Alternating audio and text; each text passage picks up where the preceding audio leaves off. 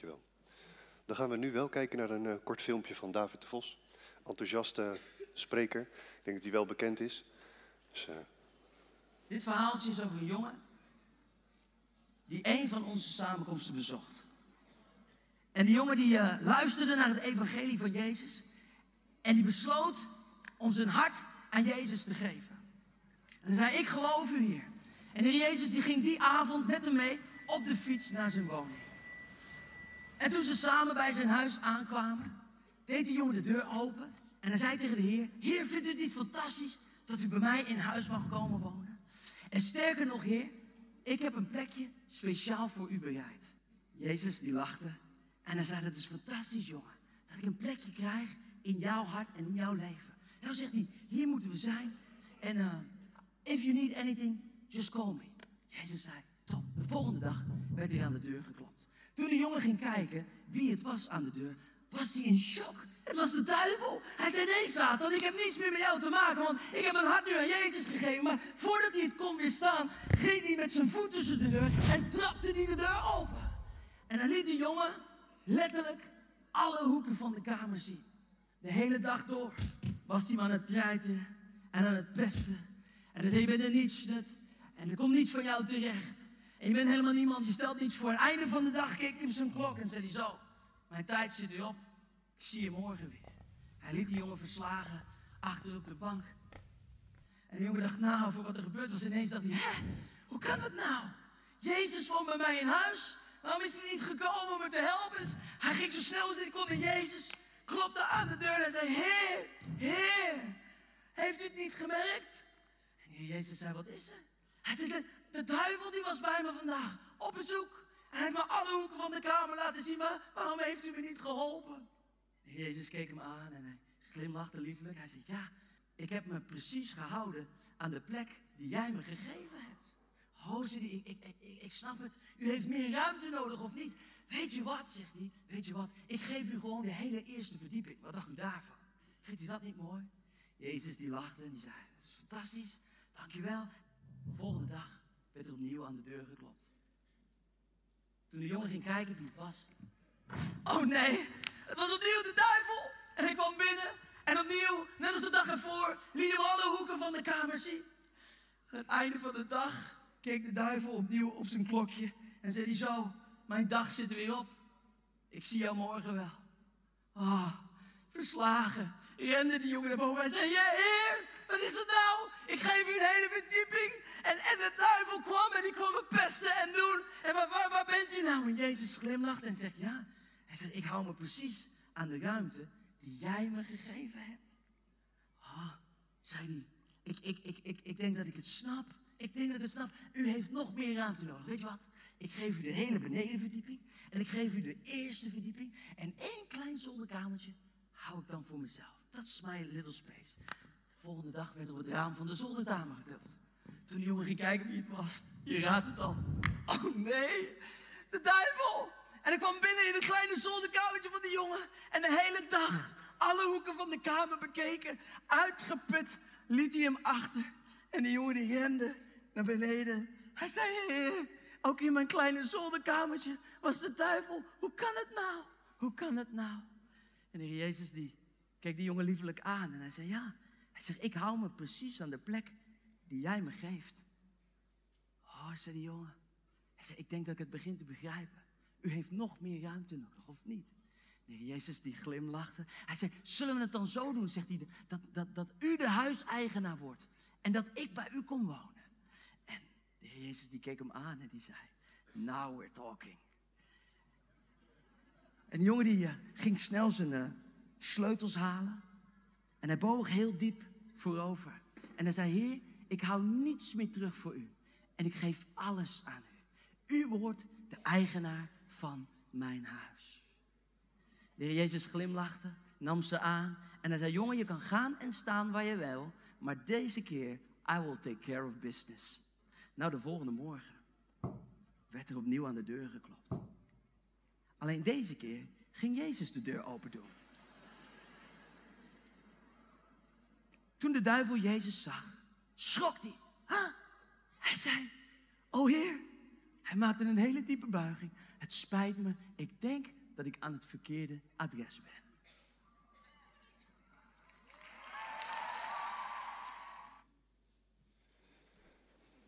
Ik ken maar weinig mensen die dit worstelen met de duivel zo letterlijk uh, zullen ervaren, maar het zet je wel aan het denken.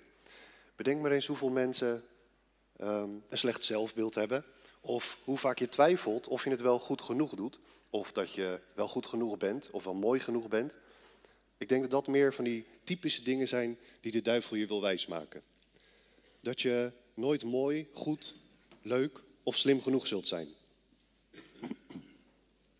Ik heb eens een collega gehad die mij behoorlijk pijn heeft gedaan. Niet fysiek.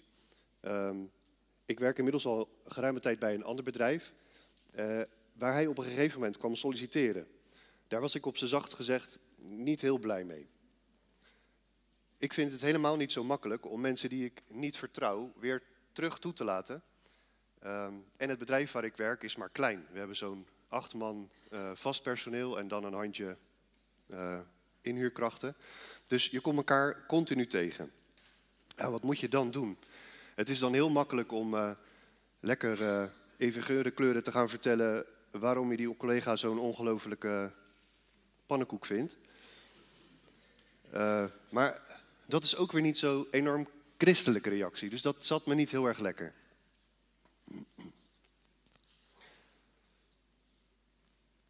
Daniel leeft in ballingschap en is raadgever van inmiddels de zoveelste koning. En zijn collega's zijn jaloers op zijn wijsheid en ze proberen hem erbij te naaien. Door de koning een wet te laten ondertekenen dat hij niet meer tot God mag bidden.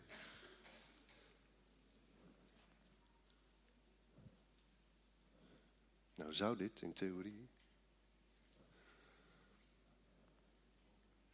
Yes. Toen Daniel hoorde van het besluit dat op schrift gesteld was, ging hij naar zijn huis. In zijn bovenvertrek had hij in de richting van Jeruzalem open vensters. Daar knielde hij neer, bad tot zijn God en prees hem, precies zoals driemaal per dag zijn gewoonte was. Dat is discipline. Daniel heeft de routine om elke dag drie keer te bidden. En als het moeilijk wordt, of het wordt hem verboden, dan bidt hij nog steeds elke dag drie keer. Je kunt op deze manier ook naar dat filmpje kijken wat we net hebben gezien. Als je de kamers van het huis niet als dingen in je, of, um, als je de kamers in het huis van die jongen uh, niet als dingen in je leven ziet, maar als momenten in je leven. En hoe meer momenten je met God deelt en met God bezig bent, hoe makkelijker het dan wordt om uiteindelijk, als je het pittig hebt, bij God te zijn en Hem te betrekken in de shit waarin je zit.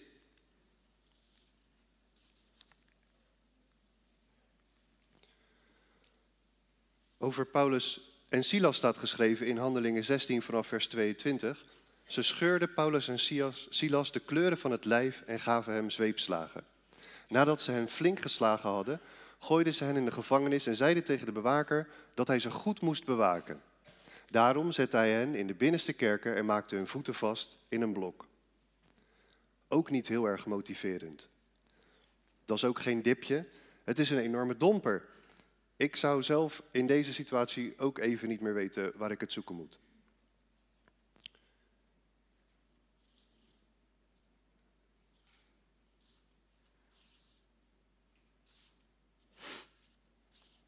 Nu zelf ook even niet meer waar ik het zoeken moet. Maar het komt goed. Yes. Uh, zij zitten daar in die kerker en ze zijn geslagen, ze hebben pijn en ze moeten um, ja, ze, ze, zitten daar en uh, ze hebben het niet zo heel erg fijn. Als je dan vervolgens verder gaat lezen in dit stukje. Uh, maar toen het ongeveer middernacht was, baden Paulus en Silas en zongen ze lofliederen om God te prijzen. Ze gaan niet bij de pakken neerzitten. Ze gaan niet een potje zielig zitten doen. Ze gaan niet klagen en zeggen: Oh Heer, wat ben ik toch treurig en kijk wat mij is aangedaan. Maar ze zongen lofliederen en ze prijzen God.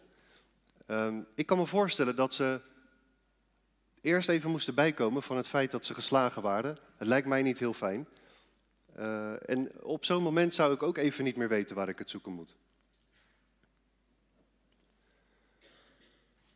Daniel, Silas en Paulus hebben alle drie een hele gezonde routine. Ze delen hun leven met God. Ze bidden, ze maken God groot. En onder die routine ligt motivatie. Ze hebben God leren kennen en die relatie verandert alles. Motivatie helpt je om te beginnen. En routine helpt je om vol te houden. En je mag daarvan genieten. En dat hoeft niet alleen op zondag, maar dat mag alle dagen van de week.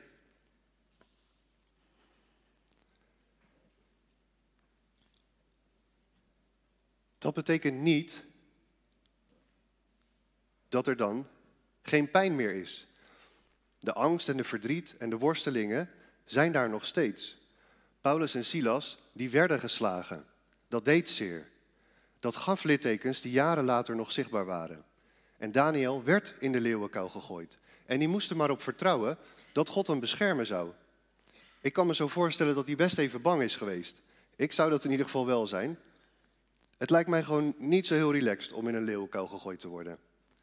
Maar dwars door die pijn mag je God groot maken. Dwars door die moeite en dwars door die striemen.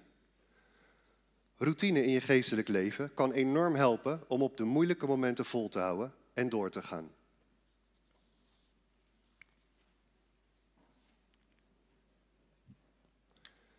Die collega, die kwam en ik had daar mega veel moeite mee. Ik zag er eigenlijk enorm tegenop. Ik heb ervoor gekozen om advies te vragen bij andere mensen en ervoor te bidden. En ik heb anderen gevraagd om voor mij te bidden. Ik koos ervoor om me integer te gedragen, fatsoenlijk zeg maar. En ik voelde iets in mij veranderen. God gaf mij iets wat ik vanuit mijzelf niet herken. Uh, de mogelijkheid om die collega te accepteren dat hij daar was en een soort ja, rust. Ik kan het niet anders echt omschrijven. En ik denk dat dat alleen van boven kan komen. Ik vertrouwde die man nog steeds niet, maar ik vond het heel erg bijzonder wat er in mij gebeurde. Overigens heeft hij binnen een paar weken zoveel wantrouwen gewekt bij mijn andere collega's en zo weinig van zijn taken uitgevoerd waar hij eigenlijk voor was aangenomen, dat hij zijn proeftijd niet heeft overleefd. Voor mij voelde het ook als proeftijd, als een beproeving. Ik koos ervoor om keer op keer te bidden en God gaf mij iets om vol te houden. Dat kan alleen als Jezus in elke kamer van je huis woont. Als je jezelf overgeeft. Zoals in het filmpje. Jezus wil graag overal zijn. In de moeilijke situaties van je leven. Juist ook in de moeilijke situaties van je leven. Maar hij wacht wel tot jij hem uitnodigt. En daar hoef je niet mooi, goed, leuk of slim genoeg voor te zijn.